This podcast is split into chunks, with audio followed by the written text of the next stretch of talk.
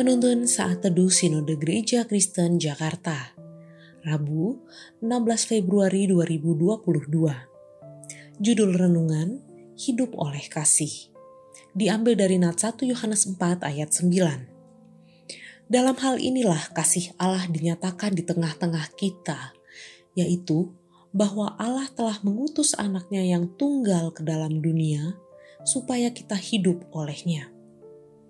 Johan dan istrinya dikaruniai dan dipercayakan oleh Allah untuk membesarkan keempat anak-anaknya. Mereka mendidik anak-anaknya dengan penuh kasih sayang. Pujian, firman, doa, dan penyembahan tidak henti-hentinya berkumandang dari mesbah keluarga ini. Mereka sangat mencintai Tuhan dan menerapkan ajaran firman Tuhan takut akan Tuhan, dan mengutamakan Tuhan di atas segala-galanya. Kasih sayang Tuhan hidup dalam keluarga ini. Keluarga Johan adalah contoh menghidupi prinsip firman Tuhan dengan penuh kasih sayang. Contoh orang tua yang mengasihi Allah dan membawa seluruh anggota keluarganya untuk hidup di dalam kasih Allah. Renungan hari ini berbicara tentang hidup oleh kasih atau agape. Kasih merupakan karakter dari pribadi Allah. Allah menyatakan kasihnya kepada kita dalam karya Kristus Yesus. Inilah misi terbesar dalam sejarah penyelamatan umat manusia. Kasih itu dimulai dari Allah dan berakar di dalam Allah. Dia terlebih dahulu mengasihi manusia kasihnya dinyatakan melalui anaknya yang tunggal, Yesus Kristus. Kasihnya membentuk dan mengilhami manusia untuk mengasihi. Allah mengasihi karena hakikatnya adalah kasih. Tidak ada objek yang wajar bagi kasihnya. Kasih Allah bagi manusia tidak bergantung pada keadaan manusia, tetapi bergantung pada hakikat Allah sendiri.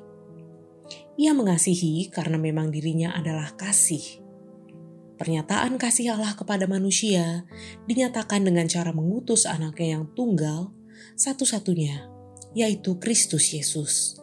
Allah yang berinisiatif. Tidak ada pribadi yang lain, dan tidak ada cara yang lain untuk menyelamatkan manusia. Hanya ada satu-satunya pribadi dan satu-satunya cara, yaitu oleh Kristus Yesus. Hanya darah Sang Anak Domba Allah yang dapat menyucikan dosa-dosa manusia dan menyelamatkannya dari hukuman kekal.